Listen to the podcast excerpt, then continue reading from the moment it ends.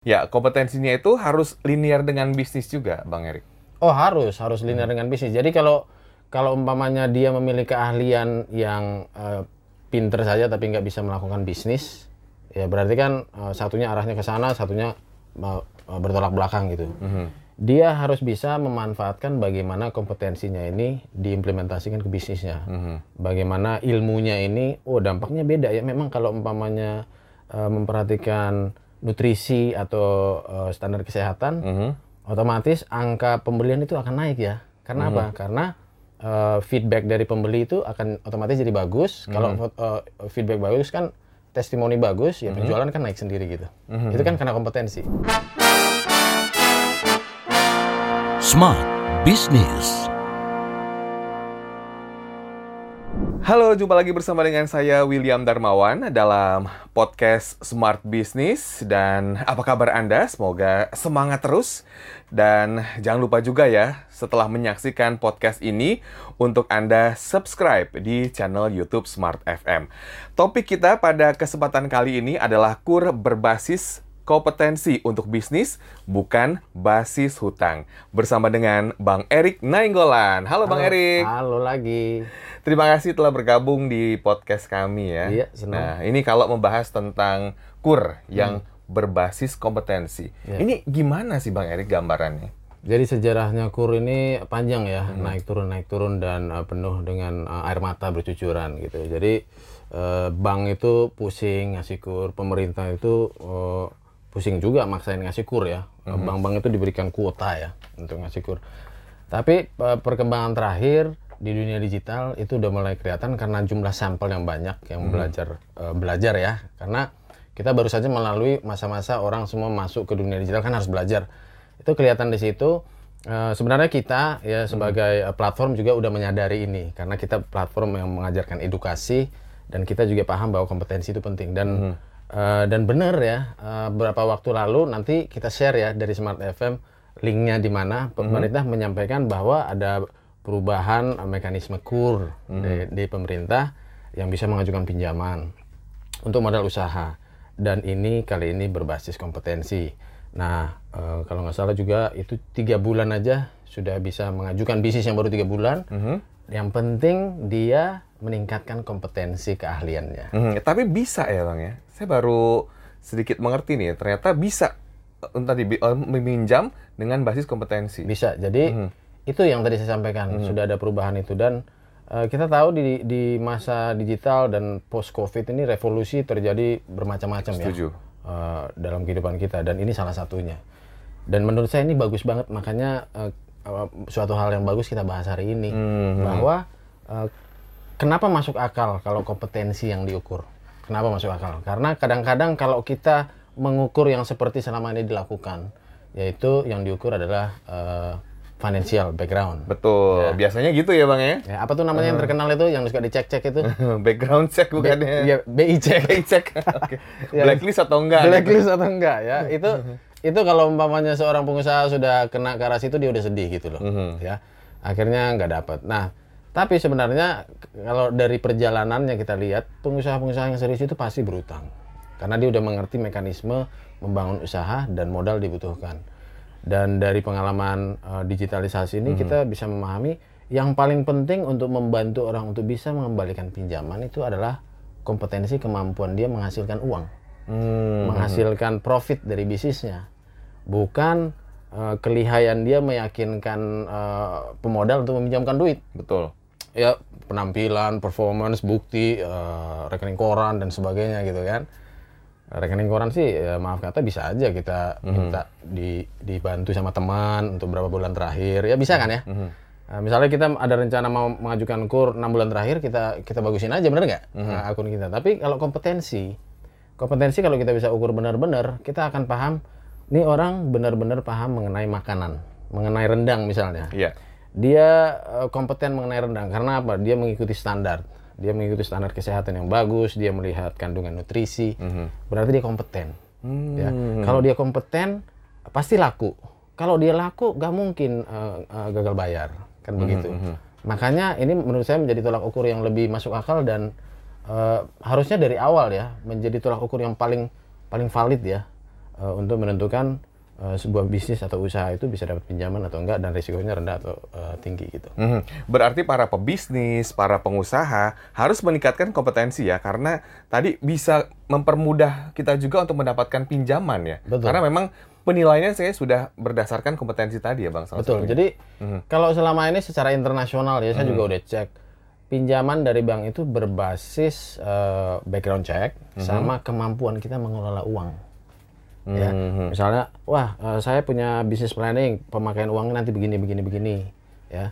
Uh, itu yang diperhatikan sekarang. Tapi menurut saya itu kayaknya uh, satu langkah terlalu ke depan deh. Hmm. Bener nggak mas? Bagaimana kita bisa pintar mengelola uang ya atau efektif kalau kita belum belum paham menghasilkan income, ya kan? Nggak nggak pengalaman jualan tapi bisa bisa menghandle finansial itu itu eh, agaknya terlalu ke depan gitu.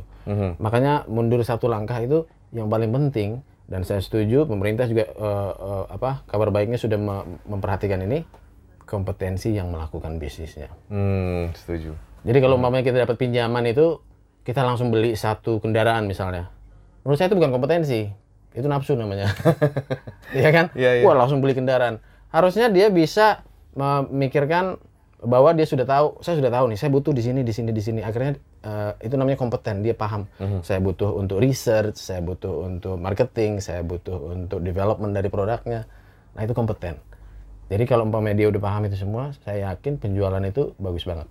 Hmm, Nah, sejauh ini sebelum kita membahas eh, lebih dalam nih tentang kompetensi. Nah, sejauh ini para pebisnis, pengusaha meminjam itu efektif memang untuk tadi mengembangkan kompetensinya atau malah tadi misalnya beli kendaraan, mengikuti nafsu gitu atau gimana nih pandangannya Bang Erik? Ya jadi menurut saya yang selama ini tren eh, 10 sampai 20 tahun terakhir itu memang semuanya berbasis eh, background ya. Bagaimana meyakinkan institusi bank, ya saya nggak ada nggak ada masalah utang, nggak ada masalah eh, backlist di sini atau pendapatan saya eh, bagus dan sebagainya. Ya itu menurut saya itu cuma eh, kulit-kulitnya. Sebenarnya kalau mereka melihat eh, di depan itu, yaitu kamu kompeten nggak? Ya? Mhm. Nah, harusnya diukur ya. Kan bisa diukur kamu kompeten atau enggak ya atau otomatis sebuah lembaga yang mau mengukur kan dia harus punya patokan ya. Dia bisa bekerja sama dengan uh, institusi atau dengan pemerintah. Jadi ngukurnya pas banget.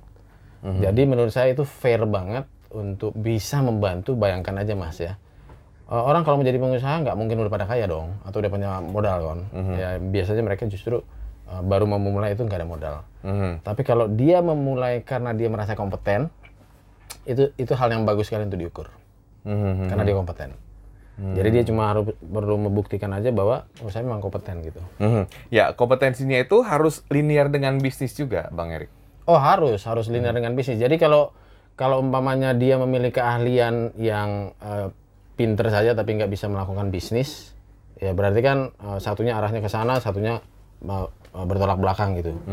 Dia harus bisa memanfaatkan bagaimana kompetensinya ini diimplementasikan ke bisnisnya.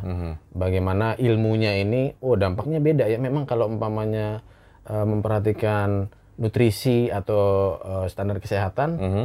otomatis angka pembelian itu akan naik ya. Karena apa? Karena eh, feedback dari pembeli itu akan otomatis jadi bagus. Kalau eh, feedback bagus kan testimoni bagus, ya penjualan kan naik sendiri gitu. Itu kan karena kompetensi. Kita melihat juga ya Bang Erik, UMKM tuh kan kadang-kadang ada yang semua bisnis dijalankan ya. Palu gada istilahnya. Ya, Nah ini gimana nih cara mengukur kompetensinya? Nah itu itu era itu sudah berlalu harusnya. Sudah berlalu, kenapa dibilang gitu? Ya karena eh, era palu gada itu adalah era di mana kompetisi itu kecil ya. Sedangkan sekarang kompetisi itu wah semua orang sudah bisa muncul gitu.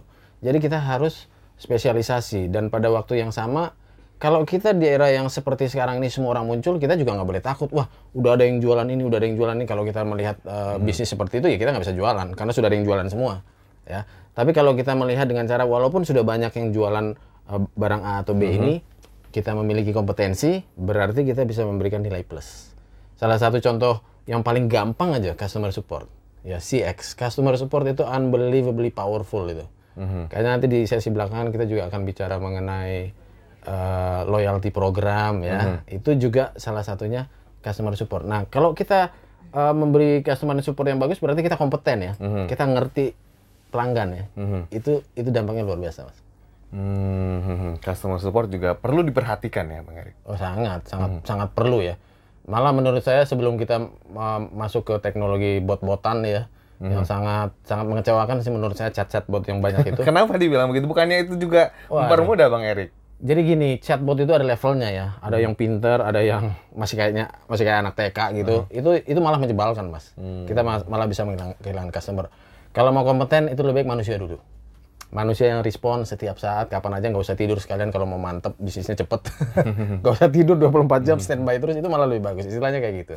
Hmm, kalau begitu supaya para pebisnis atau juga pengusaha yang mendengarkan dan menyaksikan podcast kita di kesempatan kali ini supaya meningkatkan kompetensinya, apalagi poin-poin yang perlu diperhatikan, Bang Erik. Jadi gimana sih kita ningkatin kompetensi? Sekarang banyak banget resources online ya. Awal-awal pandemi eh, harga kelas-kelas online itu mahal ya. Sekarang itu udah murah dan bahkan pemerintah juga sudah eh, bekerja sama dengan banyak pihak untuk membantu orang bisa belajar. Jadi eh, kita harus belajar. Kita harus belajar jangan jangan lihat umur, jangan lihat eh, role kita misalnya kita orang tua, anak yang disuruh belajar jangan lagi kayak begitu.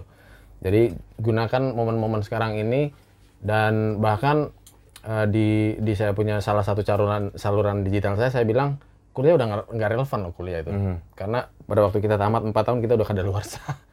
Jadi kita harus belajar apa yang paling valid sekarang. Mhm. Dan sebenarnya kan sekarang tuh channelnya sangat banyak sekali ya.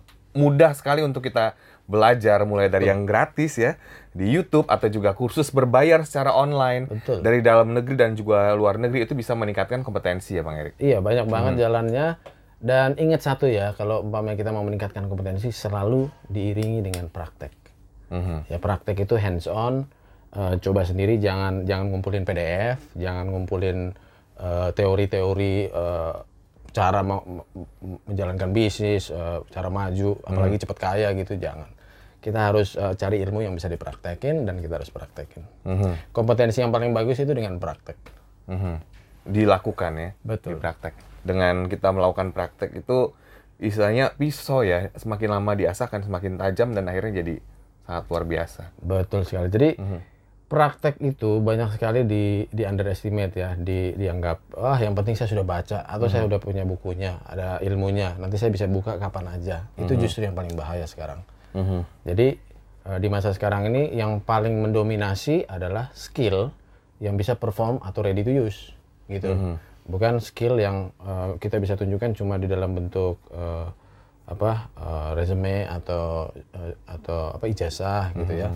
Itu itu sangat sangat sulit ya untuk bisa beradaptasi atau eh, bisa mendapatkan eh, pengguna yang yang ready to use gitu. Mhm. Seberapa penting sih Bang sertifikasi sebelum kita ke closing statement? Wah itu pertanyaan bagus banget tuh. Itu penting banget ya. Sertifikasi itu penting dan saat ini bisa mengalahkan eh, apa eh, bentuk-bentuk legitimasi seperti ijazah yang formal ya. Sertifikasi kan pendek ya. Sertifikasi itu spesialis. Itu penting banget. Menurut saya kalau kita punya itu udah bisa punya modal utama untuk eh, bisa dipakai atau jadi jadi laku banget eh, pada waktu kita mau melakukan bisnis modern di zaman sekarang. Hmm, baik, terima kasih banyak Bang Erik atas waktunya. Semoga Sama-sama. yang disampaikan bisa bermanfaat untuk semua listener semua yang menyaksikan di podcast Smart Business pada kesempatan hari ini. Jangan lupa juga kalau Anda ingin mendengarkan perbincangan kami bersama dengan Bang Erik Nainggolan, Anda bisa menyaksikannya dan juga mendengarkan ya di Smart FM setiap Rabu jam 19.00 waktu Indonesia Barat. Saya William Darmawan, mengucapkan terima kasih. Sampai jumpa. Smart Business. Lead you better.